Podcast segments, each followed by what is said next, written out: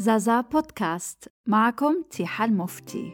أهلا وسهلا بكم في حلقة جديدة. اليوم حنتصفحوا عدة أعداد. أولها 2 أغسطس 54 العنوان الرئيسي رئيس الوزراء يدرس مشروع إنشاء البنك الزراعي الليبي.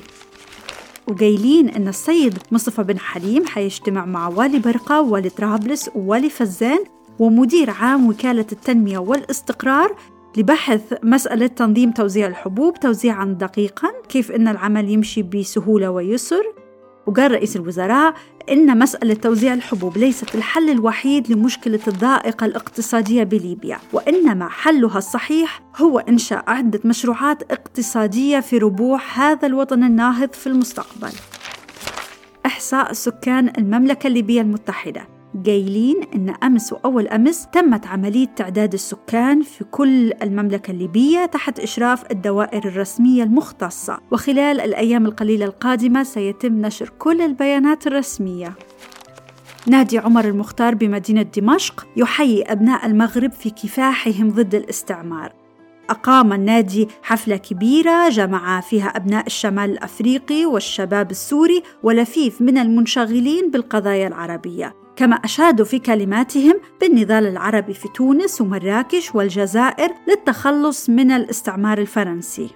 وارتجل رئيس النادي الأستاذ بكري قدورة خطابا بليغا كان له وقع عظيم في نفوس الحاضرين. أن السيد بكري قدورة أستاذ التاريخ في الجامعة السورية ومدير دار المعلمين بدمشق ورئيس هيئة الكشاف السوري جاي زيارة البنغازي والسيد قدورة ليبي الأصل ويعتبر من كبار الليبيين في سوريا وله مكانة ممتازة بين الأوساط العلمية في بلاد الشام. وصحيفة البشائر طبعا قال أنها ترحب به ورجين له طيب الإقامة. شكر وتقدير. باسم حجاج تونس أقدم وافر الشكر والثناء إلى الحكومة الليبية الموقرة لما أبدته من العناية بهم. وخصوا بالشكر متصرف مدينة سرت وحاشيته لما أظهروه من العطف والمعونة عندما تأخرت إحدى سيارات النقل التابعة للحاج عبد الله بوشهيوة وأخوته بجرزيس بتونس وبسبب عطب وقع لها أثناء السير. عنهم الحاج محمد الكيلاني من قفصة. الصحافة في العراق قرر مجلس الوزراء تعطيل أربع صحف سياسية أخرى منها جريدة الأفكار التي يصدرها الصادق البسام من كبار الساسة. وبذلك أصبح عدد الصحف الذي عطلت خلال الأسابيع الثلاثة الأخيرة أكثر من عشرين. وكان البسام قد رفع مذكرة إلى الملك فيصل احتج فيها على تعطيل صحفه الثلاث الحياد والدفاع والأفكار. مؤتمر الكشاف العربي. في الخبر هذا قاعدين يحكوا عن التجهيز للمعسكر الخاص بالكشاف العربي في مصيف الزبداني بالقرب من دمشق. وقايلين إن الحكومة السورية خصصت مبلغ عشرة ألاف جنيه لصرفها على المكان بحيث يكون معدا إعدادا لائقا لاستقبال نحو ألف كشاف عربي. ينظر خلالها في مختلف الشؤون الكشفية والعمل على توحيد المصطلحات والتسميات وتوحيد الجهود في المؤتمرات الكشفية العالمية كما يقوم الكشافون بزيارة أهم الآثار والمعالم في سوريا وستوزع عليهم في نهاية المؤتمر الأعلام والشارات التذكارية للمعسكر. في الصميم هنا يحكوا على النظافة. يعني وطالبين من وزارة الصحة والبلدية أنها تتدخل. أول حاجة يشكوا أن آه، مدينة بنغازي خالية من المراحيض العامة. هم يطالبوا قسم التنظيفات ببلدية بنغازي آه، الانتباه إلى الأماكن الخربة والبيوت المهدمة التي يستعملها كثيرون كمراحيض عامة. وأن كيف هذا يأثر على صحة السكان؟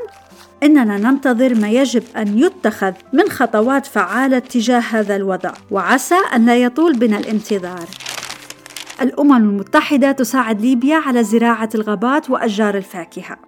في التحقيق الصحفي هذا حاكين على أن المسيو جان موزار الخبير الفرنسي التابع لمنظمة الأغذية والزراعة مصرح عن مهمته اللي كانت مع الحكومة الليبية في 52 وكيف أنه هو آه، خبير طبعا في المجال الزراعي ومهمته الأولى هي زراعة الغابات ورعايتها حتى تنمو وتكبر. وأن جودة المناخ في ليبيا ما تحملش يعني غابات كثيفة وأشجار عالية. لكن الطقس يصلح لزراعة أشجار الكافور والصمغ العربي والزيتون واللوز والتين. وقال إنهم داروا تجربة باستجلاب حوالي 40 شجرة كافور من أستراليا وزرعوها في مناطق مختلفة وطبعا نجحت. ويقول مسيو جان أن منظمة الأغذية والزراعة دزت خمسة من الشباب الليبي للدراسة والتدريب في كلية الغابات بقبرص. وقاعدين حاليا يجهزوا مشروع قانون الغابات لبرقة وآخر لطرابلس.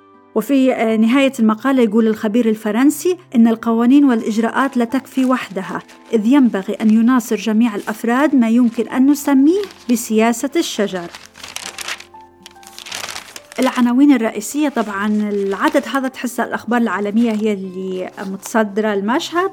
استمرار المظاهرات بمراكش للمطالبة بعودة السلطان السابق. أسبانيا تطالب بريطانيا بالجلاء عن جبل طارق. أمريكا تهدد بالحرب ضد الصين الشيوعية. وفي برضو آه، في العدد هذا حكين عن حفل في آه، بدار السينما الهلال الصيفي وهو حفل لإحياء الذكرى الأولى لوفاة آه، السيد عمر فائق شنيب. وكيف أن حضر عدد كبير من الشخصيات المهمة وألقيت فيه الكلمات وألقى الشاب الأديب رجب الماجري قصيدة ثم أعقبه الأستاذ أحمد فؤاد شنيب بقصيدة نشرينها في هذا العدد. واختتم الحفل بآيات الذكر الحكيم. تبرعات لملجأ الفقراء بالبركة. تلقى ملجأ الفقراء من السيدة بديعة فليفلة التبرعات التالية بمناسبة عيد الأضحى المبارك. شاه ضان واحدة عشرة كيلو رز خمسة كيلو سكر نص كيلو شاهي 2 كيلو سمن. وإدارة الملجأ تشكر السيدة المتبرعة وترجو الله أن يجازيها أحسن الجزاء. استعراض عسكري. سيكون هناك أمام قصر المنار العامر استعراض عسكري بمناسبة ذكرى 9 أغسطس. وسيشترك فيه طوابير من الجيش الليبي وقوة دفاع برقة. وسيلقي السيد مصطفى بن حليم خطابا بهذه المناسبة القومية كما ستقام حفلة شاي بنادي الضباط على الساعة السابعة من مساء نفس اليوم.